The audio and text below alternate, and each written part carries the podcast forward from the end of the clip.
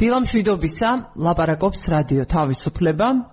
ვიწყებთ გადაცემას დილის საუბრები, დილის საუბრები საგარეო პოლიტიკასა და უსაფრთხოებაზე, რომელსაც ხუთშაბათობით წარმოგიდგენთ რადიო თავისუფლება საქართველოს პოლიტიკის ინსტიტუტთან ერთად.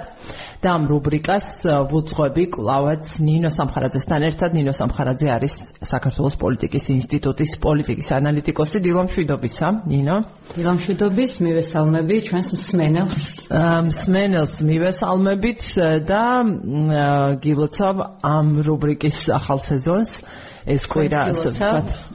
ეს კვირა საექსპერიმენტოა და ხო რაღაცა პატარა ხმაში წყვეტა იყო ჩემთან საექსპერიმენტოა და ამდენად პატარ-პატარა ხარვეზებს გვაპატიებს ალბათ მსმენელი.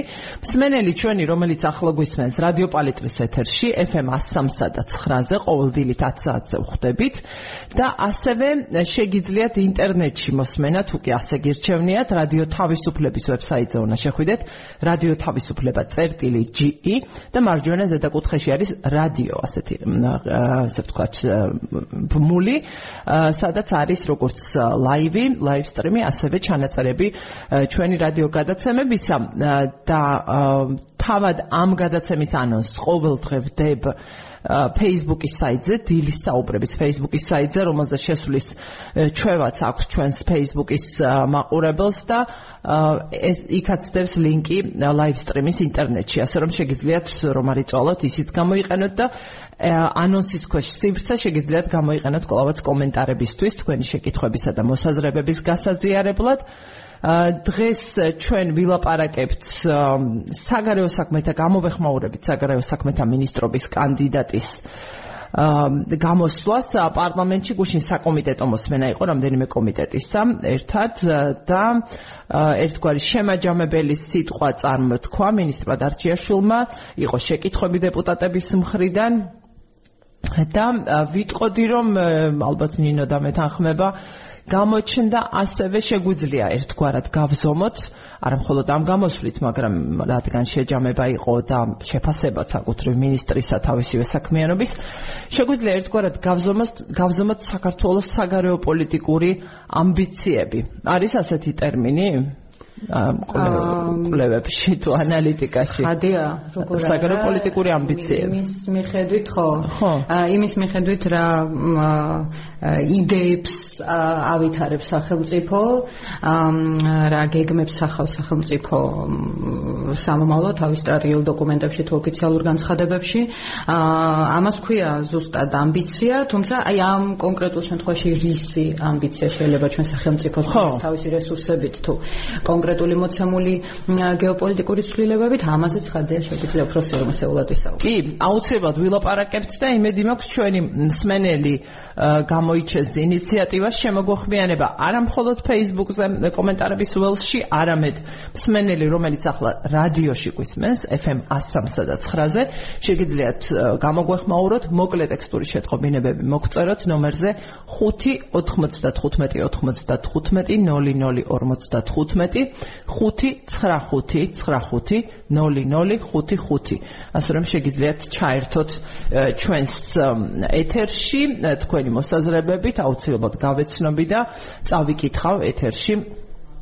ანუ მონაწილეობა თქვენი იქნება ეს ჩვენს დღევანდელ დისკუსიაში. ვიდრე მინისტრის გუშინდელ გამოსვლას შევეხებოდე საკომიტეტო მოსმენას მინდა რომ ერთ ამბავს გამოვეხმაუროთ გადაცემის დასაწყისში ვიდრე ილია დარჩიაშვილის სიტყვასა და მის პასუხებზე ვილაპარაკებდეთ. ეს გახლავთ ის რომ ორიოდე დღის წინ ეს იყო 5 თებერვალს უბრალოდ თარიღს ვამოწმებდი ცოტა შევყოვნდი 5 თებერვალს სახელმწიფო უსაფრთხოების სამსახურმა გავრცელა ინფორმაცია რამდენიმე ერთეული ასაფეთქებელი მოწყობილობის და ასაფეთქებელი დიდი რაოდენობით ასაფეთქებელი ნივთიერების ამოღების შესახებ. აა თუმცა მნიშვნელოვანი აქ იყო დეტალები. ლაპარაკი იყო 6 ერთეულ სპეციალურ ასაფეთქებელ მოწყობილობაზე, რომლებიც რომელიც იყო განთავსებული, ასე ვთქვათ, შენიღბულად აკუმულატორებში, რომლებიც კონტეინერებად იყო გამოყენებული, შემდეგ დაწრულებით აღარ ჩავყვები და შემდეგ სუსი აცხადებს გამოკითხული მოწმეების ჩვენებებისა და ამოღებული აუდიო ფაილების საფუძველზე გინდება რომ ხსენებული ასაფეთქებელი მოწყობილობები და ნივთიერება უკრაინის ქალაქ ოდესიდან უკრაინიდან ანუ რუმინეთის, ბულგარეთის და თურქეთის გავლით მიმდინარე წლის 19 იანვარს საქართველოში შემოიტანეს საკონტროლო გამშვები პუნქტი ცარფი უკრაინის მოქალაქის მფლობელობაში არსებული მინივენის ტიპის ავტომობილი და იგეგმებოდა მისი გატანა რუსეთის ფედერაციაში. ანუ უკრაინიდან რამდენიმე ქვეყნის მათ შორის საქართველოს გავლით უკვე რუსეთის ფედერაციაში კონკრეტულად ქალაქ ვორონეჟში საკონტროლო გამშვები პუნქტის დარიალის მეშვეობითო. მოგვიანებით დამკვეთის დავალებით გადაწყვეტილება შეიცვალა და პროცესში ჩართულმა პირებმა ერთ-ერთი კონტეინერი, სადაც სამი მოწყობილობა იყო ასაფეთქებელი, მოთავსებული ქვეყნიდან გატანა სცადეს აღნიშნული პუნქტიდან. მეორე კონტეინერი, სამი ასაფეთქებელი მოწყობილობით ასევე დატოვეს თბილისში, კონკრეტულ მისამართზე კონტრტერორისტული ცენტრის თანამშრომლებს, თანამშრომლების მიერ შეჩერებულ და ამოღებულ იქნა აღნიშნული გზავნილი იმ დროს, როცა მას უნდა გადაეკვეთა საქართველოს რუსეთის სახელმწიფო საზღვარი საქართველოს მხრიდან. სუსის მიერ გატარებული ოპერატიულ-სამძებრო და საგამოძიებო მოქმედებების შედეგად დადგენილია, რომ აღნიშნული ასაფეთქებელი მოწყობილობების საქართველოს შემოტანაში ქვეყნის მასშტაბით გადაადგილებაში ერთ-ერთი კონტეინერის რუსეთის ფედერაციის მიმართულებით ტრანზიტულად გატანაში, ხოლო მეორე მათგანის დედაქალაქში განთავსებაში ჩართული იყო საქართველოს 7, უკრაინის 3 და სომხეთის 2 მოქალაქე. საქმის მასალებით აღნიშნულ პროცესს ორგანიზებას უწევდა უკრაინის მოქალაქე 2020 წელს ოდესის ოლქის ადგილობრივი რადის კიევის რაიონის დეპუტატობის კანდიდატი პარტიიდან ხალხის მსახური ანდრეი შარაშიძე, რომელიც წარმოშობით ქალაქ ბათუმიდანა, ეს პირი საქართველოს ფარგლებს გარედან აქტიურ მეთვალყურეობას უწევდა ზემოხსენებული ასაფეთქებელი მოწყობილობების გადაადგილებასო, გვაუწყებს სუსი და გამოძიებით ასევე დადგენილიაო, რომ ზემოაღნიშნული პირებისთვის გარდა შარაშიძისა სავარაუდოდ ცნობილი არ იყო მანქანის აკუმულატორებში რა იყო განთავსებული, მოკლედ ეს ასაფეთქებელი რომ იყო.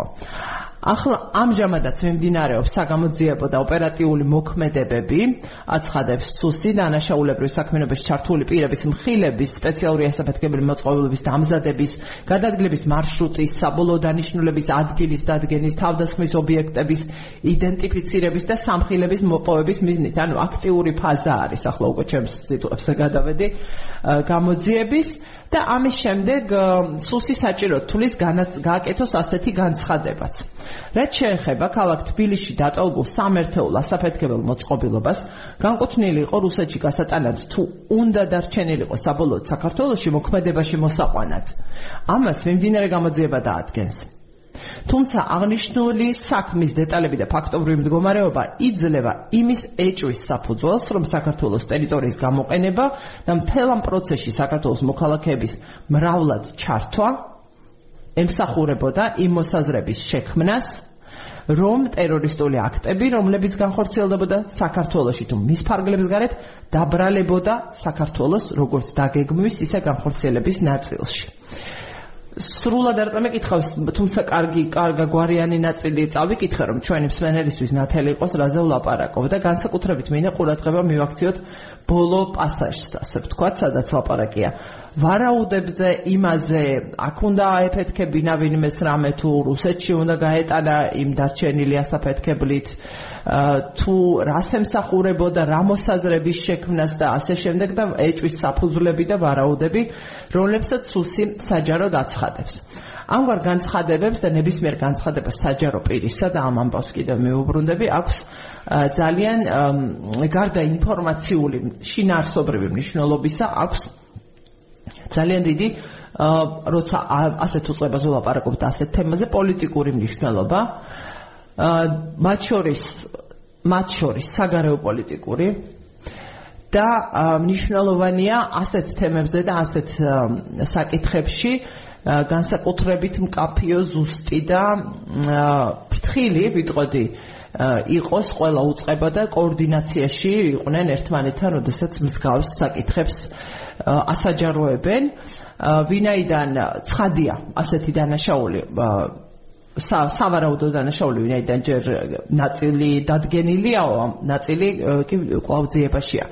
აუცილებლად უნდა იყოს გამოძებული ამისთვის არის უსაფრთხოების სამსახური ცხადია და ეს არის მისი მოვალეობა თუმცა გასაჯაროების ნაწილს რაც შეეხება აი აქ მინდა სწორედ ნინოს ვკითხო რა იგივე ესე ვთქვა ასევე მოგხვდა თუ არა შენ ყურში ეს ნაწილი ხო, ეს დიდი ამბავია ზოგადად პირველ რიგში ძალიან შემოსფოთებელი თავის თავის.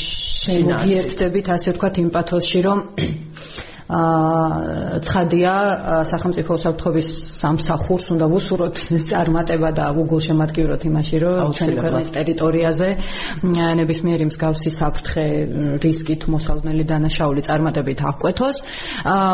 თუმცა მე გეთანხმებით რომ ჩვენი ეთერისაც და ზოგადად ასევე აი ამ განცხადების კონტექსტისაც ერთ-ერთი მთავარი კონტური არის ის ერთგვარი არა მხოლოდ პოლიტიკური პოლიტიკური შეიძლება უფრო ფართო ტერმინი იყოს მოდი გამოვიყენებ ამ სიტყვას. ა პროპაგანდისტულიც თითქოს დატვირთვა რომელიც თვალსაჩინოების გარეშე აკეთებს იმ დასკვნებს, რა დასკვნაც თქვენ ამოიკითხეთ ციტირებაში ბოლო აბზაცის სახით, რომელშიც თქვათ გონივრული ეჭვი თუ საფუძვლიანი ეჭვი, ზუსტი ტერმინოლოგია არ მახსოვს, მაგრამ სიტყვა ეჭვია გამოყენებული. იძლევა იძლევა ეჭვის საფუძველს. ხო, იძლევა ეჭვის საფუძველს, მოცემულობა, რომელიც საბოლოო ჯამში აი ამ ურთიერთკავშირებს სახელმწიფოებს შორის არ ადასტურებს დადასტურებს. ის რაც დადასტურებულია, სულ ძალიან ნათლად აქვს აღწერილი დეტალებით, მათ შორის იმ დეტალებითაც რაც საფრთხების მასშტაბზე საერთო სურათს აძლევს საზოგადოებას. თქვათ იქ რა დონის შესაძლო ტერაქტზე იყო საუბარ თუ ასე შემდეგ და ასე შემდეგ მაგრამ ეჭვი უკვე იმასთან დაკავშირებით თუ სახელმწიფოებს შორის ვის რა უნდა დაბრალებოდა ვის რა კომუნიკაცია ქონდა რა დონეზე არსებობდა ეს კომუნიკაცია და ასე შემდეგ და ასე შემდეგ. აი ამ ეჭვის დამადასტურებელი უკვე მოსაზრებები თუ თვალსაჩინოებები თითქოს ამ განცხადებიდან ქრება საერთოდ უკ ის არსებობს სუსის ხელში ამიტომ ანუ ფორმულირება არის ასეთი და აღნიშნული საქმის დეტალები და ფაქტობრივი მდგომარეობა იძლევა იმის ეჭვის საფუძველს რომ საქართველოს ტერიტორიის თუ მოქალაქეების გამოყენება ამ ყველაფერში ემსახურებოდა იმ მოსაზრ მოსაზრების შექმნასო რომ ეს ტერაქტები როგორც განხორციელების ისე როგორც დაგეგმვის ისე განხორციელების ნაწილში დაბრალებოდა საქართველოს.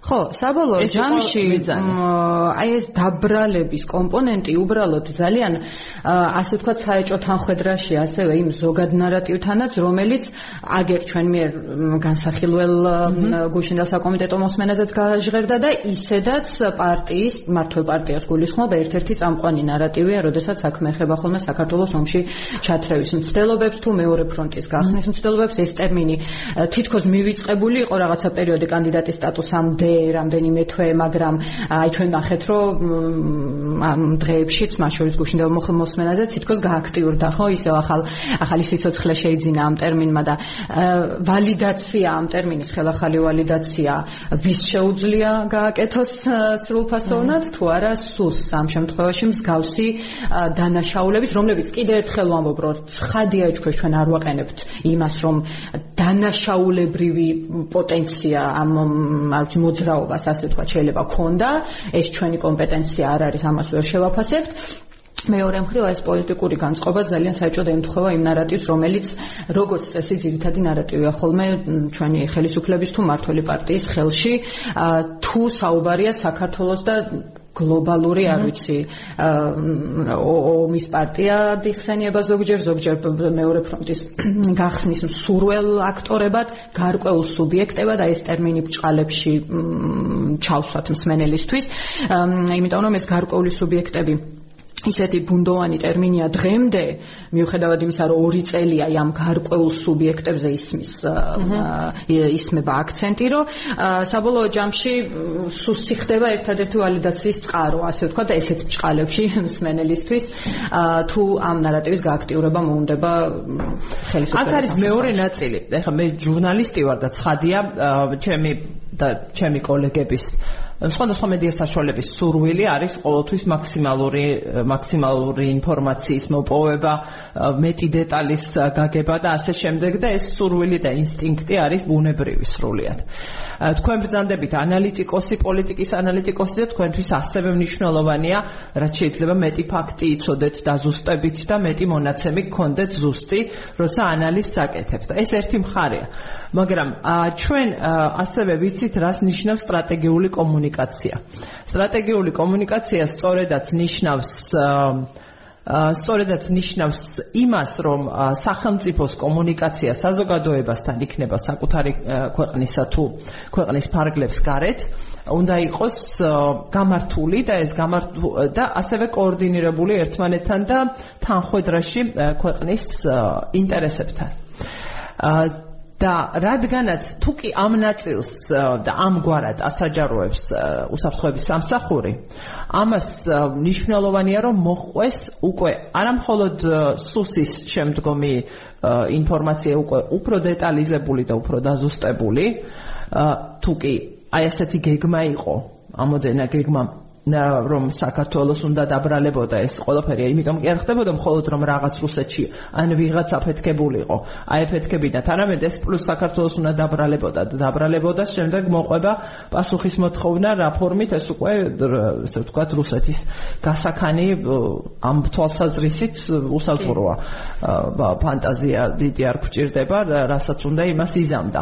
მაგრამ ამას ერთი რომ სუსისგან უნდა მოხვეს და საზოგადოება ახლა ელოდება როგორც შიდა საზოგადოება ქვეყნის საქართველოს მოქალაქეები, ასევე საქართველოს პარტნიორებიც და მტრებიც ელოდებიან მეტ დეტალს და ვიცით ჩვენ როგორ ყურადღებით არის ყველა როგორც მტერი ისე მოყარე ზოგჯერ რუსეთის ხელისუფლების წარმომადგენლები ისეთ დეტალებზე ამახვილებენ საქართველოს შიდა პოლიტიკური ამბების ყურადღებას რომ გაგიკვირდება კიდეც რომ მეტი საქმე არა აქვთო იფიქრებ მაგრამ არა ეს არის მათი პოლიტიკის და ინტერესის სფერო პირდაპირ ერთი რომ ეს დეტალიზაცია უნდა მოხდეს და მეორე ასევე მნიშვნელოვანია ეს არ გამოვა და ვერ იქნება გამართული და ნაკლოვანი იქნება თუ ამაში არ მიიღებს მონაწილეობას არ მიიღებენ სხვა უწყებები. მათ შორის და უპირველესად საგარეო საქმეთა სამინისტრო.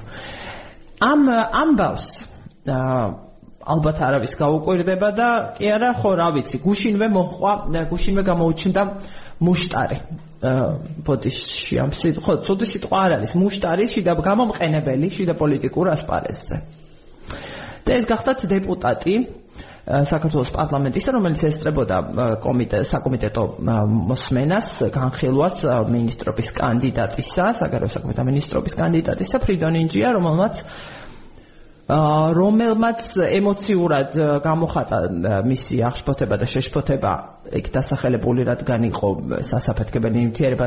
ამოდ იცით ეს რას ნიშნავს ეს სასაფეთქებელი ნივთიერება? ამდენი გრამიც რომ აფეთქდეს რას იზამს და მოკლედ შევიდა ამ სპეციფიკაში რაც სხვათა შორის დიდად არ დაუზუსტებია თავად სულს მაგრამ მან ასე გადაწყვიტა რომ ელაპარაკა. და ესეთი შეკითხვა დასვა უფრო რიტორიკულს გავდა სახელმწიფოები ხომ არ მონაწილეობენ? ზოგიერთებიო? კითხა ηλია დარჩიაშვილს ასეთი რამე ანუ ამდენი ასაფეთქებლის გადაზიდვა სახელმწიფო სტრუქტურების გარეშე გამორიცხულიაო. აა ახლა დარჩეშულს ამაზე პასუხი ვერ ექნებოდა და ასე დეტალურად საქმის კურსში არ იქნებოდა, მაგრამ თავისთავად ეს საკითხი იყო ასე ვთქვათ აწეული კურსში საკომიტეტო მოსმენაზეც. ზუსტად ამით მენიშნა ძალიან. ერთი რომ როდესაც რო გავიფიქრე, ხო რაც 5 თებერვალს გავიფიქრე და გუშინეს უკვე აქცენტი მენიშნა. კი, ზუსტად ამით მინდა გავაგზელო თქვენი ეს შეჯამება სტრატეგიული კომუნიკაციის შესახებ. აა რომ სტრატეგიული კომუნიკაცია ცხადია ერთადაც ფუნდამენტურად მნიშვნელოვანია, ამაზე არაერთხელ გვისაუბრია, აა როცა ესეთ სენსიტიურ საკითხებს ეხება საქმე, ერთი მხრივ საზოგადოებასთან ურთიერთობაში, მეორე მხრივ სახელმწიფოებს შორის საერთაშორისო ურთიერთობაში, მაგრამ ამის მიღმა ეხა ძალიან საინტერესო იქნებოდა ჩემთვის მოსასმენად და იქნება სამომავლო დღეებშიც, როგორი რეაგირება ექნება, როგორი დაგეგმვა ექნება საგარეო საქმეთა სამინისტროს მიმართ თვითონ ამ პროცესს, როდესაც საქმე ეხება ერთი მხრივ უკრაინას როგორც სახელმწიფოს და ეს მე მაინც ვფიქრობ რომ არ იქნებოდა ესეთი სენსიტიური რომ არ ყოფილიყო აქ კონკრეტული პარტიის წევრი სახელი და მართველი გაჟღერე კი მართველი პარტიის უმრავლესობის მართველი პარტიის კი. უმრავლესობის რომელიც მერე პირდაპირ ბმება ხოლმე თქვა ზელენსკისთან ილინკება მოდი ასე თქვა მასში არის ხოლმე და ეს ზელენსკი არის ის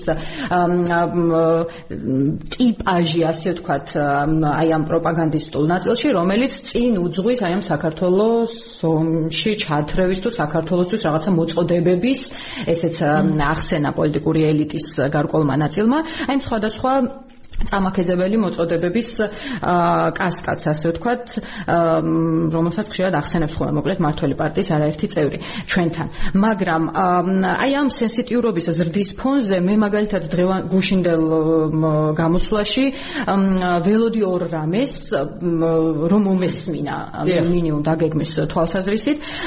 ერთი მხრივ იმას როგორია კომუნიკაცია იმ სახელმწიფოებთან, რომლებიც რომლებიდანაც არამხოლოდ შემოტანა მოხდა და ამ ნივთიერების და ადამიანებისაც ეს თვითონ შარაშიძე არ არ ვიცი რა გზებით რა ურთიერთობაშია ოფიციალურად ქართულ ელიტასთან და სტრუქტურებთან. წარმოშობით აკაურიაო ხო მხოლოდ ეს ჟღერდება ამის მიღმა საქართველოსთან რა კავშირი აქვს ეს ფაქტობრივად არ ვიცით ცხადია არაოფიციალური ინფორმაციის გამოყენებით რაღაცა ინფორმაცია იდება, მაგრამ საბოლოო ჯამში ის მაინც უკრაინული პოლიტიკური ისტებლიშმენტის ასე ვთქვათ ნაწილია.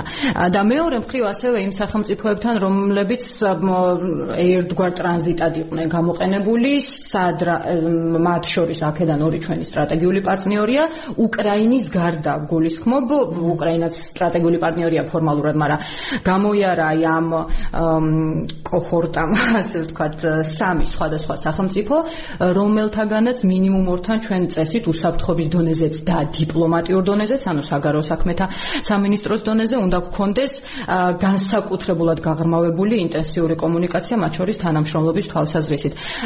გულისხმობ რუმინეთს და თურქეთს, სადაც მე მაგალითად არ სუსის განცხადებაში მინახავს, მაგრამ ჩემთვის უფრო საინტერესო იყო საგარეო უწყება, როგორ უყურებს მე ველოდი როგორი არის? საერთოდ შედგა თუ არა ეს კომუნიკაცია? როგორი არის ეს თანაშრომლობა ან იგეგმება თუ არა? ანუ გადაჭრის გზები აი ამ ამ ხელა პრობლემა რო გვიდევს მაგიდაზე გადაჭრის გზები საბოლოოდ რადგან არ გვიდევს აი ამ ფონზე კიდე უფრო კონტრასტული ხდება ის პროპაგანდისტული ხაზები, ასე ვთქვათ, შტრიხები, რომლებიც დასვა თავდაპირველად დააყენა დღეს წესრიგში სუსმა თავის განცხადებით და მე მოდი ასე დავარქვათ, აიტაცეს როგორც პარლამენტარებმა, ან მართველი პარტიის წევრებმა, უფრო რო განვაზოგადო და ასევე მე ნახეთ რომ ახსენეს შესაბამისმა დეპუტატებმაც აი ამ მოსმენას.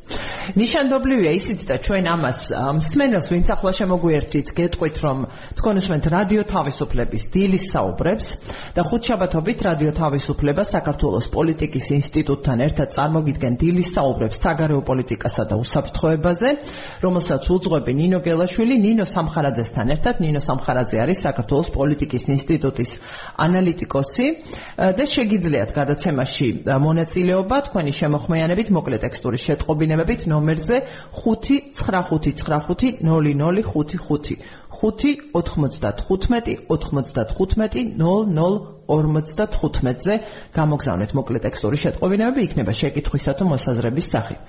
უკრაინაო ბრძანეთ არის, რადგან გუშინ ერთ-ერთი მთავარი თემა ელია დარჩიაშვილის იყო ევროინტეგრაცია საქართველოსი და მოკლედ ძალიან იყო ასევე ნახსენები ნატოში ინტეგრაციის თემა, თუმცა იქაც ევროინტეგრაციაზე უფრო მეტი რიხით და ნატოში ინტეგრაციაზე ასევე ხელშესახები მიღწევები გვაქვს და შემდეგ ჩავხედავ ციტატებსაც ხადია. და აქ ორივე პროცესში უკრაინა ფორმალურად სტრატეგიული პარტნიორი არის ბრძანეთ უკრაინა თუ კი საქართველოს ამას განიხილავს. მიზნებად ევროინტეგრაციასა და ნატოში ინტეგრაციას უკრაინა არსებითად მისი პარტნიორი პარტნიორად უნდა ხედავდეს უკრაინას. არსებითად და გადამჭრელად და გადამწყვეტად. და ჩვენ ამ თემაზე შემდგომში ვილაპარაკებთ ცალკე მივუძვლით გადაცემას ნატოში ინტეგრაციის სტატუსს და პერსპექტივას. ძალიან მნიშვნელოვანი დაკვირვება ეს სადმე მეც მინდოდა წამომეჭრა ჩვენ დღევანდელი საუბრის ფარგლებში უკრაინის როლი გუშინდელ მოხსენებაში. ზოგადად უკრაინის როლზე ძალიან ბევრი გვისაუბრია მაგრამ გუშინდელ მოხსენებაში ძალიან კარგად გამოჩნდა რომ ცოტა უკანა პლანზეა გადაწეული კონკრეტულად უკრაინასთან თანამშრომლობის მომენტი. თუმცა მანამდე უკრაინამდე სანამ კიდევ უფრო კარგად მივალ ას უნდა ითქვას აუცილებლად რომ არ არის ლოგიკური ის, რომ ევროკავშირზე მეტი აქცენტი დაისვა ამ ეტაპზე ვიდრე ნატოში ინტეგრაციაზე. კი, გამომდინარე იმ მიღწევებიდან რა მიღწევაც ქვეყანამ განიცადა, ერთი მხრივ ობიექტურადაც ძალიან მნიშვნელოვანია წონადობის თვალსაზრისით ამ კონკრეტულ მომენტში ევროკავშირში ესე პროცედურების გავლა, რაც ეხლა მაგიდაზე გვიდევს.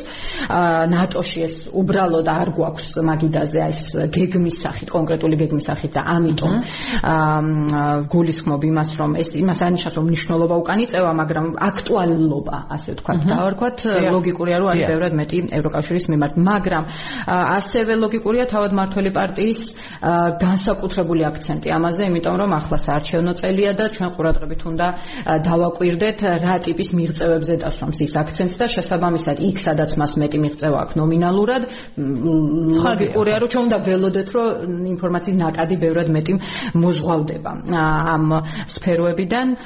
ვიდრე იქიდან სადაც ჩვენ ამაზეც გვისაუბრია შეიძლება არ ვიცი ნომინალური უკუსლა არ გვაქვს მაგრამ პროგრესი რო არ გვაქვს ეს უკვე ჩვენაირი უსაფრთხოების გარემოს ქვეყნისთვის ესეც უკუსლა გულისხმობ ნატოში ინტეგრაციას და ნატოსთან თანამშრომლობას მიღწევების გაღრმავებას. და თქვენ აბსოლუტურად სწორად ასვით ის აქცენტი მთელ ამ კონტექსტში, რომ არა მხოლოდ ნატოში, არამედ ევროკავშირშიც უკრაინა როგორც პარტნიორი ქვეყანა მოლდოვასთან ერთად ჩემი აზრით ეხლა ყველაზე მეტად გვჭირდება, მათ შორის იმაზე მეტად, რომ აი თუ თქვა წინაწლებში იყო აქცენტები, რომ დიდ ქვეყნებთან უნდა ყოფილიყო განსაკუთრებული პარტნიორობები და მოლაპარაკებები დასაწყები, აი ეს დიდი ქვეყნები თითქოს უკვე თავად კონსოლიდირდნენ ისედაც გაფართოების ახალი ხედვის გარშემო. ამიტომ ჩვენ უფრო მეტი სამუშაო გვაქვს ეხლა იმ რეგიონულ კონტექსტზე, რომელსაც როგორც წესი ევროკავშირი უყურებს ხოლმე თავის გაფართოების დროს, ან რეგიონულად ფართოდება ყოველთვის, თითქმის ყოველთვის ევროკავშირი. აქედან გამომდინარე უკრაინაზე და მოლდოვაზე მეტად საჭირო ახლა ჩვენთვის ნამდვილად არც ერთი ქვეყანა არ არის გაფართოების პაკეტიდან განსაკუთრებით. და ამ ფონზე, როდესაც ჩვენ აი გუშინდელ ესეთ მნიშვნელოვან მოხსენებაში, ანუ ერთი მხრივ შემაჯამებელ მოხსენებაში და მეორე მხრივ მინისტრია დასამტკიცებელი. ხო ანუ ხედვა დასამტკიცებელი ეს ხო ნომინალურად მხოლოდ მინისტრობის კანდიდატის დამტკიცება არ იყო გუშინ. დღეს იქნება კენჭისყრა ხო დამავიწყდა მე თქვა დასაწყისშივე პარლამენტში ხდომაზე ბოდიში კი ბატონო აი ეს ხედვა როდესაც არის დასამტკიცებელი და ამ ხედვაში ასეთი მინიმალური დონე სანამ კითხვა არ დასვა რამდენიმე დეპუტატმა მანამდე უკრაინაზე არ იყო მნიშვნელოვანი აქცენტი გაკეთებული მინისტრის მინისტრობის ბოდიში კანდიდატის სიტყვაში ეს განგაშის წერტილია ჩემთვის როგორც დამკვირვებლისთვის ეს ნიშნავს რომ ეს ხედვა საერთოდ არ ითვალისწინებს. არა თუ უკრაინასთან ურთიერთობების დალაგებას არამედ ჩვენ უნდა ვმუშაობდეთ უფრო მეტად გაუმჯობესებაზე იმ ნიუანსების თანამშრომლობების რეფორმებში იქნება. თუ უსაფრთხოების თვალსაზრისით იქნება თუნდაც აი ამ მიმართულებებით ფაქტია, ამ შემთხვევაში უკვე შეფასება აღარ არის, ფაქტია, რომ ჩვენი ქვეყანა ძალიან ინერტულია, მარტივად რო თქვა და არ გამოხატავს კეთილნებას ამ მიმართულებით, რომ ჩასვას ეს კომპონენტი ხედვაში ძალიან აქტიურად. ხო.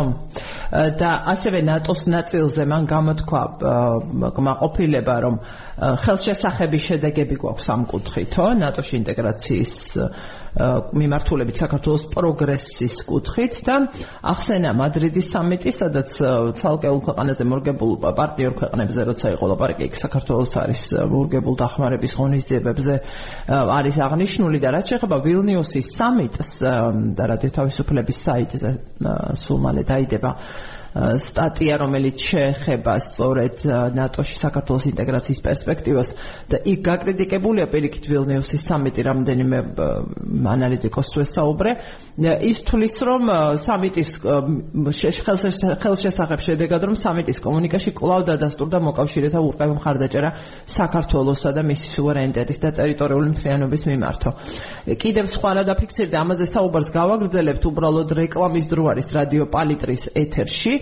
რამდენიმე წუთით პალიტრის ეთერში დაგტოვებთ უწყვეტად გრძელდება ჩვენი გადაცემა რადიო თავისუფლების საიტზე რადიო თავისუფლება წერტილი GE რადიო ბმულს დააჭირეთ ვისაც გაქვთ საშუალება ინტერნეტის თუ არა და რამდენიმე წუთში დაგიბრუნდებით. და ვაგრძელებ საკუთრივ ვილნიუსის სამიტის კომუნიკეში უფრო მნიშვნელოვანი რაც იყო ის საკმაოდ დიდი დოკუმენტი იყო და მასში რა გასაკვირია რომ დიდი ადგილი დაეთმო უკრაინას ამ თვალსაზრისით პარტნიორებს და ასპირანტ ქვეყნებს რაც შეეხება და იქ იყო უკრაინა გაცილებით მეტცელო და მოითხოვდა ყოველ შემთხვევაში მისი ლიდერიც, მისი მთავრობაც ნატოსგან და ვილნიუსის სამიტისგან და მას მაქსიმუმი რაც მიიღო მან აქედან იყო ის რომ უთხრეს რომ მაპი აღარ გჭირდებაო. მაგრამ საქართველოსზე უკვე არ იწერებოდა ასე ხაზგასმით აქამდე ყოველ შემთხვევაში არ მახსოვს. შეიძლება ოდესმე ეწერა მაგრამ წინ რამდენიმე ასე დოკუმენტი სამიდის ჩაიწერა რომ საქართველოს მაპის გავლით საქართველოს უნდა გაიაროს ეს ეტაპი გაწევრიანების სამოქმედო გეგმის შესრულების ეტაპიო. ანუ აქ ჩანსის წინ სულა სწორედ წინ ყოფნა უკრაინის ამ თვალსაზრისით და არ ვიცი ხო აქ ასეთ ხელშესახებ შედეგზე ნაკლებად ხო ხო აქ სავარაუდოდ არსებითი პაკეტის ერთი დაფინანსების ნაწილის გააქტიურებას გულისხმობს ბატონილია რომელიც ცხადია ძალიან მნიშვნელოვანი ნიუანსია ჩვენთვის. საერთოდ ამ თანამშრომლობის დაკარგვას ჯობია რომ თან ამ რთულ გეოპოლიტიკურ სიტუაციაში ჯობია რომ ეს პარტნიორული პაკეტები მაინც იყოს ჩვენ ხელში და იდოს ჩვენ მაგიდაზე. მე სმენელისთვის განმარტავ ერთ ნიუანსსაც, რომ როდესაც საქმე ეხება ნატოსთან და ევროკავშირთან ურთიერთობებს, ერთია დაახლოება, მეორეა ინტეგრაცია, ანუ ერთია პარტნიორობა, მეორეა ინტეგრაცია. ინტეგრაციული კუთხით კითხვებიც იყო სხვათა შორის დეპუტატების მხრიდან და მე კიდე უფრო მეტად ჩავეძიებოდი, რას გულისხმობს კონკრეტულად ძალიან საინტერესოა რა ნაწილში წავიწიეთ წინ, იმიტომ რომ ამ ეტაპზე თქვენი თქმის არ იყოს არც ოფიციალური კომუნიკაციის მიხედვით, არც ნარატივების მიხედვით არ ჩანს რაიმე წინსვლა, არც ბიუროკრატიული და არც პოლიტიკური, პოლიტიკურადაც არავის არ გაუაქტიურებია საქართველოს გაწევრების პროცესის წინწაწევის საკითხი სადმე. თუნდაც ისევ მაპის გავლით იყოს, მაგრამ აი ამ მაპს მიუახლოვდით, არ მიუახლოვდით. მოკლედ ინტეგრაციის კუთხით ამ გაწევრება რაც არის საბოლოო ამოცანა აი ამ პროცესისა, ამ მიმართულებით მე ვეჭობა არ ვიცი თუ რამე არ ვიცი ისეთი რაც უწყებებში იციან შესაბამისად წებებში ცხადი ესე შეიძლება დავუშვათ, მაგრამ სასურველი იქნებოდა რომ მოსახლეობისთვის ესე ცნობილი იყოს. მაგრამ მეორე მხრივ პარტნიორობის თვალსაზრისით ჩვენ არ გვაქვს ცუდი ტენდე დინამიკა, ასე ვთქვათ, ნატოსთან, არც დაფინანსების პაკეტების მიღების კუთხით, არც წუთნების კუთხით, არაფერი ამ მიმართულებით. არაფერი ვერ ვიტყვი, მაგრამ ამ მიმართულებით ბევრი რამ არ შესუსტებულა, ხო?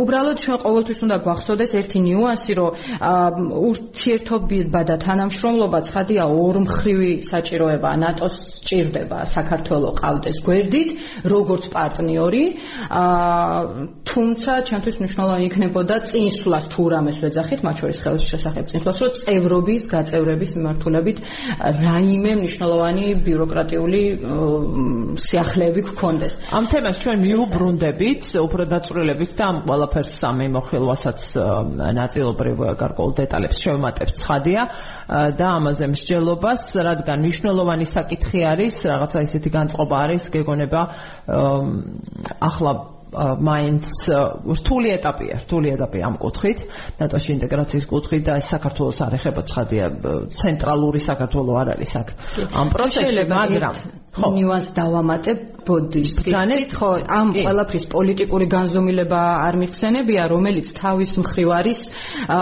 დაღმავალი გულისხმობ იმას რომ აი ეს მაგალითად გაუცხოება ამერიკის შეერთებული შტატების პოლიტიკურ ელიტასთან. ამერიკის შეერთებული შტატები რომელიც ჩვენი მთავარი პარტნიორია და მთავარი მხარდამჭერია. ნატოში ინტეგრაციის თვალსაზრისით მათთან ისეთი პინგ-პონგი როდესაც გვაქვს რეფორმების კუთხით თუ სასამართლო სისტემის მიმართულებით ასე შემდეგ ცოტა კინკლაობა ასე დავარქვათ არამეცნიერულიანით აი ამ ფონ ეს ფონიც აუარესებს ზოგად მდგომარეობას და ეს ესეც მნიშვნელოვანია რომ გავითვალისწინოთ ერთია ბიუროკრატიული კომპონენტი ამ ყველაფრისა მეორეა პოლიტიკური განზომილება.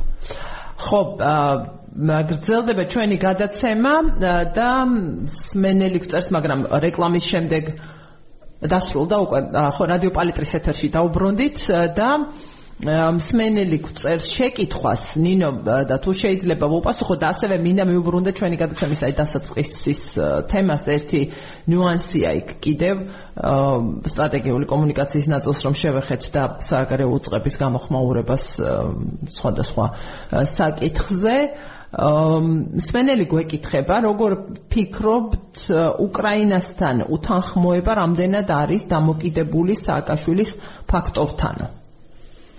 ფაქტორზე ალბათ ან დაკავშირებული ფაქტორთან პასუხოთ ხო? კი, კი, ცხადია, ცხადია. ამაზე ბევრი კვლევაც დაწერილა სხვათა შორის აბსოლუტურად დასაბუთებული რომ პირდაპირ კავშირშია ამ მიმართულებით შეფასებების დავარაუდებით არ არის საჭირო, იმიტომ რომ თავად ქართული ოცნების წამყვანი წევრების, ლიდერი წევრების ნარატივში ყოველთვის ჟღერს ეს. არა მხოლოდ უკრაინასთან უთანხმოება, არამედ მაგალითისთვის ევროპულ პარტიებთან უთანხმოება, ზუსტად კონკრეტულად სააკაშვილის და ნაციონალური მოძრაობის ელიტების ფაქტორის გამოყენებით. ასე რომ ამ თემას დიდად აღარ განვავრცობ, თუმცა ნებისმიერ მსმენელს შეუძლია ერთი მარტივი Google-ით ამოიღოს ის განცხადებები ოფიციალური ბატონი კობახიძის თუ დინარაძის ახსენდება და ასე შემდეგ, ხო?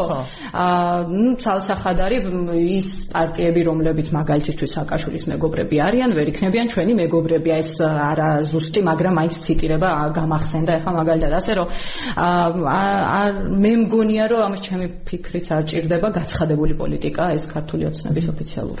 ხო, საწყის თემაზე მინდოდა და დაბრუნება რითაც დავიწყეთ ამ სუსის ამბავზე და საგარეო უწყების გამოხმაურებაზე ისეთ საკითხზე თქვა რომელიც პირდაპირ შეიძლება ესე ვთქვათ მისი კომპეტენცია არ იყოს და ასეთი იყო მესმის რომ ეს სახელმწიფო დეპარტამენტის ანუ შტატების საგარეო უწყების ასე ვთქვათ გადაწყვეტილება იყო გულისხმობ მოსამართლეების დასანქცირებას რომელსაც ერთ დღეში გამოეხმაურა ამ სანქცირების შესახებ განცხადების გავრცელებიდან და გადაწყვეტილების გავრცელებიდან ერთ დღეში გამოეხმაურა საგარეო საქმეთა მინისტრი და ენტონი ბლინკენს მიმართა წერილით სადაც უწოდა სრულიად გაუგებარი და მიუღებელი აღწერს საქართველოს სასამართლოს აფასებს თვითონ ამ წერილში და ამის გათვალისწინებით სრულიად გაუგებარი და მიუღებელია შტატების სახელმწიფო აი ესეთი ვორდინგით როგორც სიტყვია სიტყვებით. სახელმწიფო დეპარტამენტის გადაწყვეტილება მოსამართლეთა სანქცირების შესახებ რომელიც ყოველგვარი მტკიცებულების წარმოქმნის გარეშე გასაჯაროვდაო იმედს გამოვთქვათ რომ სახელმწიფო დეპარტამენტი წარმოადგენს შესაბამის მტკიცებულებებს ან გადახედავს თავის გადაწყვეტილებასო. სხვა შემთხვევაში საქართველოს სახელმწიფოსა და ქართული ხალხის მხრიდან აღნიშნული აღიქმება როგორც სუვერენული სახელმწიფოს დამოუკიდებელ სასამართლოზე ზეწოლა და მის საქმიანობაში უხეში ჩარევა, რაც საქართველოს და შტატების ორმხრივ მრავალწლიან მეგობრულ ურთიერთობებს დააზიანებს. უ თამამესი, არ ვიცი, ყველაზე რბილი სიტყვა რომ ვეხმაროთ. და ალბათ დიპლომატიაში მე არ ვარ კომპეტენტური, მაგრამ უხეშესიც შეიძლება ითქვას ფორმულირება, რასაც შემდგომ მე არ ვიცი რა რა საჯაროდ საჯარო ნაწილში ვთქვათ ელჩთან ინტერვიუში რაც მოვისმინე და ვინტერესდი ცხადია სანქცირების იმიტომ რომ დიდი გამოხმაურება აქვს ხოლმე და შტატების ელჩის განმარტება იყო ის რომ როცა სანქცი და სანქცირებაზე გადაწყვეტილება მიიღება ეს ნიშნავს იმას რომ შტატებს აქვს შტატებს აქვს ამისთვის საკმარისი თulis ასე შეერთებული შტატები შეიძლება ვიღაცა არ თuliდეს საკმარისად. საკმარისი მტკიცებულებები როცა ასეთ გადაწყვეტილებას იღებს მათ შორის როცა უკვე შემდგომ მიიღო ოთარ ფარცხალაძის დასანქცირებაზე გადაწყვეტილება საკმარისია იმისთვის რომ მან მიიღოს კონკრეტული პირის მიმართ სანქციების დაწესების გადაწყვეტილება და მეორე საკითხი მას არ აქვს ვალდებულება და ეს უნდა ალბათ იცის საგარეო წყების ხანძღვანელმა რომ ვალდებულება სახელმწიფოს წარუდგინოს ტკიცებულებები და ამ შემდეგ სახელმწიფოს ნება ნება უკვე წამოიწყოს გამოძიება. ამა თუ იმ პირის მიმართ და ეს ამაში ამას ვერავინ დააძალებს სწორედაც ეს იქნებოდა ჩარევა რომ მეტი რაღაც ვერკეტი და ინსტრუმენტი გამოელაგებინა პარტნიორ სახელმწიფოს ხო და ეს იყო თქო, ანუ მსგავსი პრეცედენტი გვაქვს, რომ მინიმუმ ოპერატიული გამოხმაურება იყო. და მახსოვს ეს განცხადებაც, მაგრამ ეს ოპერატიული გამოხმაურებები ერთგვარი მე მაინც ასე მგონია, ასეთი გონიურული ეჭვი შეიძლება ითქვას რომ არსებობს. მგონია რომ არის მაინც საზოგადოებისთვის ირიბი ახსნა რომ ჩვენ არ ვიღებთ ასე ვთქვათ იმ ბრალდებებს რა ბრალდებებიც ჩვენმა უმთავრესმა პარტნიორმა ჩვენი ქვეყნის დემოკრატიაზე მოიტანა. და დადო. ანუ აი ამ შემთხვევაში საზოგადოების სიამაყე არ ვიცი რა შეიძლება დავარქვა ამას ცოტა ემოციური ტერმინი ტერმინები მომდის თავში. საზოგადოების აღშფოთების შელახული სიამაყის მისავე ამორჩეველზეა პირველ რიგში აქ საუბარი დაბალანსება უნდა ხოლმე ასეთ დროს ესეთი ოპერატიული წერილებით. ნებისმიერ უצება ზოგადად ეს ხა კონკრეტულად საგარეო უצება ამ კონკრეტულ ფორმულირებით გამოეხმაურა ვაშინგტონს თუმცა ჩვენ გვინახავს ელიტის მხრიდან კიდევ უფრო მეტად უხეში ფორმულირებებით. მეორე მხრივ მე აბსოლუტურად გეთანხმებით რომ ის რომ საგარეო უצება საქართველოს საგარეო საქმეთა სამინისტრო იყენებს ამ ფორმულირებებს და არა მაგალითისთვის ზოგადად მართველი პარტია ან ხელისუფლების სხვა ბევრად უფრო შიდა პოლიტიკური პოლიტიკურ განვითარებაზე პასუხისმგებელი ნაწილები ეს ეს არის დიპლომატიის ენა რომელიც ერთი მხრივ შეუქცევა და დაზიანებს ხადია ორ მხრივ ურთიერთობებში კეთილგანწყობილების ხარისხს რაც არის ერთ-ერთი გაზომვადი განწყობა გაზომვადი კრიტერიუმი ბოდიში ორ ქვეყანას შორის ურთიერთობისა მიღმა იმ ხელშეკრულებებისა და თანამშრომლობებისა და ასე შემდეგ. და მეორე მხრივ დებს რაღაც ისეთ წითელ ხაზებს მაგიდაზე ჩვენი მხრიდანაც თუნდაც. რაც ცოტა საშიშია მე გადასაკვეთად მაგალითისთვის როდესაც ჩვენ ვამბობთ რომ სახელმწიფო დონეზე ვამბობთ რომ ამ შემთხვევაში თუ ეს თქვენი მხრიდან არ გადაიხედება ან არ წარმოდგინდება ასე ვთქვათ შესაბამისი პრინციპულებები მაგალითისთვის მაშინ რაღაცა მოხდება. პირობითად გადაიხედება ჩვენი სტრატეგიული პარტნიორობა. ან ასე ხო ჩვენი მხრიდან აი ამგვარი წითელი ფორმულირების მიღმა ეს რო სრულად დიპლომატიური ფორმულირებაც ყოფილიყო, ბევრად უფრო ნაკლებ ემოციური. ამ შემთხვევაშიც კი პრობლემური იქნებოდა, იმიტომ რომ კიდევ ერთხელ ვამბობ, მაგიდაზე ისეთ ზღვრებს დებ შენ როგორც სახელმწიფო, შენი მთავარი დიდი პარტნიორის, სახელმწიფო სტრატეგიული პარტნიორის მიმართ, რომლის გადაკვეთაც არ ვიცი, ფაქტი არის ისიც, რომ არ შეგვიძლია ფიზიკურად არ უქნია ეს ქართულოცნებას, თუ არ გავახსენებთ პერიოდულად რა ეწერა ამ განცხადებაში შეიძლება არც ახსოვდეთ არ ვიცი ეს უკვე ფარცხალაძის ეს მოსამართლეებს ეხებოდა და ფარცხალაძის ნახეთ შემდეგ ხო ასევე როგორი რეაგირება იყო სახელმწიფოს მხრიდან და ეროვნული ბანკის პრეზიდენტის გადაწყვეტილება. მოკლედ ესეთი უცნაური უცნაური რეაქცია აქვს საქართველოს ამ დასანქცირების საკითხზე. ასეთ ნეიტრალურ სიტყვას გამოვიყენებ. მსმენელი წერს ერთ-ერთი სუპერ შვიდეული თუ როგორი უნდა იყოს, შეკითხვა არ არის მოსაზრება მისი. როგორი უნდა იყოს პატრიოტი ქვეყნის, როგორი უნდა იყოს ქალი, კაცი, დედა, მამა, პარლამენტარი და სახელმწიფო მოხელე. ბიძინა ივანიშვილი, ირაკლი ღარიბაშვილი, ირაკლი კობახიძე, ირაკლი ზარქუა, კახი კალაძე, თეატრო ლუკიანი და ბოჭორიშვილი. მაკა ხქვია ბოჭორიშვილს, მსმენელს შევაშველებ, თუ გვინდა მშვიდობა, პროგრესი, ეკონომიკური წინსვლა, ღმერთმა გვიმრავლოს ესეთი ქართველებიო, ასეთ მოსაზრებას და შეფასებას გამოთქვამს სმენელი ერთ-ერთი სხვა წერს გამარჯობა. ასე ვფიქრობ რომ პუტინი მადლობას გადაუხდის ივანიშვილს ტერაქტის აღკვეთის გამო. ხო საკუთრი პუტინი თუ არა არ ვიცი მაგრამ ხო რაღაც გამოხმაურება იქნება იმიტომ რომ ძალიან წვრილ მანდატეთ ესეთ საკითხებზეც კი არის ხოლმე გამოხმაურება და რეაგირება მოსკოვიდან საქართველოს მიმდინარე პოლიტიკური პროცესების შემდეგ შეერთებული შტატების ახლა უკვე სენატმა კვლავ უარი თქვა უკრაინის დახმარებაზე, რამდენად ახდენს ეს გაუგებარი მერყეობა ჩვენაირი მასშტაბით, მასშტაბის ქვეყნის საგარეო კურსზე. აა ზეგავლენას ალბათ ხო ზეგავლენას უნდა იყოს. ძალიან დიდი მადლობა მსმენელებს შემოხმიანებისთვის ყველას გაქვთ ამის შესაძლებლობა. შეუზღუდავად ნომერზე მოკლე ტექსტური შეტყობინება უნდა გამოგვიგზავნოთ ნომერზე 5 9595 0055 5-95-95-0055 დრო დაგვრჩა ცოტა ჩვენ ყველა თემას ვერ შევეხებით რაზეც გუშინ იყო ცხადია მოსმენაზე საუბარი მე უბრალოდ მინდოდა მთლიანობაში აა როგორი იყო როგორი პათეტიკა იყო იქ და რა იყო ესე ვთქვათ მთავარი ხაზი. ერთი რაც თქვა აუცილებლად მინებს მენელს გამომეხმაურო ჯერ და შემდეგ მიუბრუნდეთ საკითხს უბრალოდ დრო შეგახსენენინო რომ გავზომოთ ჩვენი საუბარი. ხო აქ კითხვის სახით არ ვიცი ერთადერთი მომხდარების სწორად მივყევი. კი ბატონო ამერიკის შეერთებულ შტატებში ამ მერყევეს სიტყვა გამოიყენა მსმენელმა ამ შემთხვევაში მერყეობაზე მეტად უფრო ვიტყოდი შიდა პოლიტიკურ შეუთანხმებლობას რაც საბოლოო ჯამში მე როგორც ხვდები ამ ეტაპზე რაც გვიჭირავს ხელში ამის მიხედვით ბრალდება ბჭყალებში მსმენელისთვის.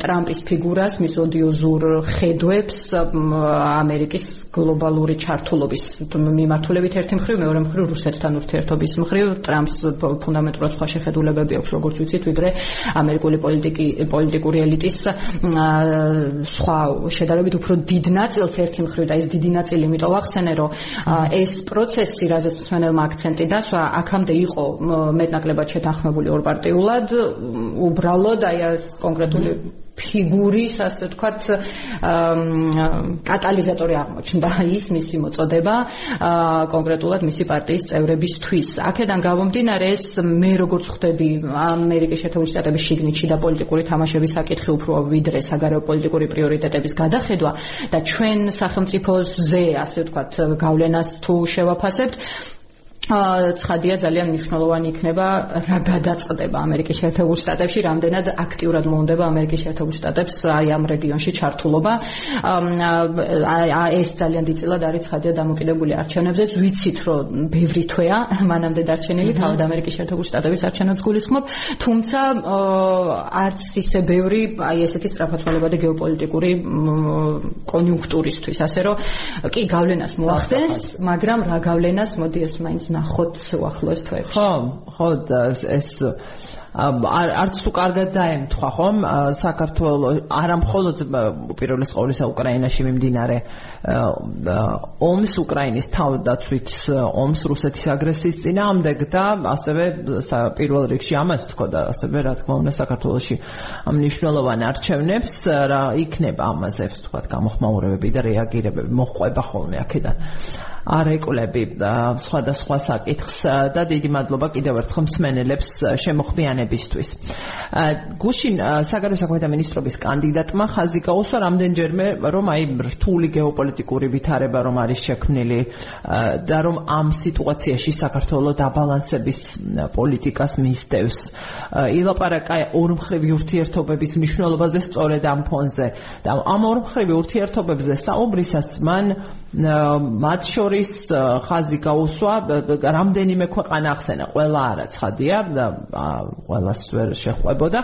შტატებთან ურთიერთობაზე ილაპარაკა და ასევე ჩინეთთან სტრატეგიული ხასიათის თანამშრომლობის გაღრმავების მნიშვნელობაზე საქართველოს გეოპოლიტიკური და რეგიონული ფუნქციის გათვალისწინებით. ჩინეთი არის ერთ-ერთი თემა, რომელიც სხვადასხვა მინისტრის მოსმენაზე გაისმის, ასევე იყო გუშინ პრემიერ-მინისტრობის კანდიდატის მოსმენაზეც, როცა ოპოზიციურ ფრაქციებს შეხვდა ის. რამდენად ჩემი შეკითხვა ასეთი იქნება ბოლოსკენ რადგან მივდივართ რამდენიმე წუთი დაგვრჩა დაახლოებით 6 წუთი. ჩემი შეკითხვა იქნება ასეთი რამდენად გავდა ეს დისკუსია და ეს გამოსვლა ministrobis კანდიდატისა რადგან რაღაც გარკვეული დეფიციტი მქონდა ემოციური ხომ არ იყო თქო ჩემთვის ეს ჩემი ეს აღქმა ოკუპირად ნაწილობრივ ოკუპირებული ქვეყნის საგარეო საქმეთა ministris ministrobis კანდიდატის გამოსვლას და როგორ ფიქრობ რა რამდენად დაგაკმაყოფილა მკაფიობამ სწორედ ამ მიმართულებით. იქ მან დიასპორასთან ესე ვთქვა საქართველოს ემიგრაციასთან ურთიერთობის მნიშვნელობაზე ცილაპარაკა ამ ორ მხრივ ურთიერთობებში სხვადასხვა ფორმატი სხვადასხვა ფორმატი ახსენა რომლებიც თავისთავად მნიშვნელოვანია მაგრამ რამდენად იყო ეს აქცენტის დასასმელი ხო აი რაღაც ნაკლებობა ამ თვალსაზრისით იგრძნობოდა. რა არის იცით ზოგადად ხარვეზე ჩვენი ბიუროკრატიული პოლიტიკური პროცესის ის არის რომ ეს გამოსვლა ხა ჩვენ რაც გუშინ მოვისმინეთ საბოლოო ჯამში ძირითადი კონტურების მომხაზველი უნდა ყოფილიყო შემაჯამებელიც და დასაგეგმიც. ამიტომ აბსოლუტურად ლოგიკურია რომ გაურკვეულ კონკრეტიკებში თავად ministri ვერ ჩავიდა, მაგრამ მეორე მხრივ ამ ფონზე კონკრეტიკა, აი კომუნიცირება პოლიტიკის შესახებ როგორ ხდება, აი ორი მიმართულებით არის ძალიან დიდი ხარვეზი. ერთი ის რომ თემატურ მიმოხილვებზე ministri ძალიან იშვიათად თანხმდება ხოლმე რომ მივიდეს. ანუ აი ამ თემატურ მიმოხილვებმა, არ ვიცი, ministri საათ იქნება თუ ინტერპელაციისთვის დაბარება, რომელსაც არ პასუხობს რიგ შემთხვევებში სხვადასხვა უწყებებიც, მაგრამ საგარეო საქმეთა სამინისტრო ამ შემთხვევაში ჩემი პირადი ფოკუსია. აი ამ თემატურ მიმოხილვებში უნდა ჩაიშალოს ის დეტალები წესით ადარიგით, რა დეტალების ნაკლოვანებაც ჩვენ დაგვჭა. მეც მქონდა ეს შეგრძნება აბსოლუტურად მოყვებით ამაში და ამიტომ ამას მინდა გაუსვა ხაზი. ეს ნაკლულოვანება არ იქნებოდა, რომ არა ministrების ზოგადად და კონკრეტულად საგარეო უწყების კეთილინება, რომ პასუხობდეს დეპუტატებს თემატურ გამოძახებებზე, ასე დავარქვა, დაძახებებზე, სხვადასხვა ფორმატებში. მეორე მხრივ ძალიან იღვრება ეს პოლიტიკური პოლარიზაციის უარყოფითი ეფექტი, მაგალითად კითხვა-პასუხის ეტაპზეც, ისევ კონკრეტიკაზე რომ დავიდეთ, როდესაც ოპონენტ დეპუტატს აქვს კითხვა იმის შესახებ, ხა თქვენ ჩინეთი ახსენეთ ბოლო მონოლოგში და ჩინეთთან როგორ მიმდინარეობს იმაზე მოლაპარაკება, რომ მაგალითისთვის ჩვენი ტოლულების დაბრუნება იყოს მხარდაჭერილი ჩინეთის მიერ გაეროს რეზოლუციებში, აქამდე არასდროს ეს არ მომხდარა მსხვერპლისთვის გასაგები რომ იყოს. მაგალითისთვის აი ასეთ ფუნდამენტურად მნიშვნელოვან საკითხებზე ჩვენ არ გვაქვს პასუხი.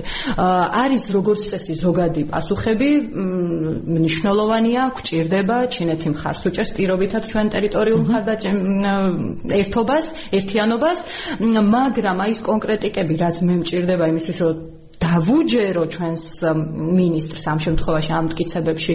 აა ნამდვილად იყო, არ ვიცი, მაგიდიდან აღებული ამ ეტაპზე და გადაზრდილი იყო უფრო პოლიტიკურ ოპონირებაში, ვიდრე მოხსენებაში, ასე ვთქვა. ასე რომ აი ეს ორი მიმართულებით, ორი დიდი ხარვეზი გვაქვს, რის გამოც მე მაგალითად სრულფასოვნად ჯერ კიდე არ ვიცი როგორ შევაფასო. გნებავთ ჩინეთის შემოსვლას საქართველოს საგარეო პოლიტიკაში ამ დოზით. გნებავთ ის სხვა ორმხრივი ურთიერთობები რომლებზეც ჩვენ ვიკვეხნით რომ გვაქვს სხვადასხვა განსაკუთრებული ფორმატები. ძალიან ისეთი ბლამაზი ფორმულირებებით ვორდროპების ფორმატი იქნება თუ ამილახურს ანუ ეს ნიშნავს რომ ბმა გვაქვს კი კულტურული თუ ემოციური ამ ქვეყნებთან მაგრამ პოლიტიკა შეს როგორ ითარგმნება პოლიტიკურ თანამშრომლობაში შეს როგორ ითარგმნება ჯერ კიდევ გაურკვეველია საბოლოო ჯამში. ეს არ ვიცი თავად ministris ნაკლულოვანება როგორც შედარებით არაპოლიტიკური ministris მე ასე ვაფორმულირებ ხოლმე. თუ ზოგადად თავრობის პოლიტიკის ეს ცალკე ანალიზის საგანია, თუმცა ფაქტია რომ ეს ხარვეზე არის. წუთნახევარი გრჩება, არც კი წუთი ვთქვათ ასე საუბრის დასრულებამდე. იქ იყო ერთი კიდევ ნახსენები მის მიერ რომ ევროკავშირში გაწევრიანების არ დაჭერის საზოგადოების მხრიდან, მოსახლეობის მხრიდან. მაღალ ნიშნულზე შენარჩუნების მიზნით საქართველოს მოქალაქეების ინფორმირების უზრუნველყოფისთვის კვლავ პრიორიტეტული იქნება სტრატეგიული კომუნიკაციების წარმოება და დეзинფორმაციის წინააღმდეგ ბრძოლაო.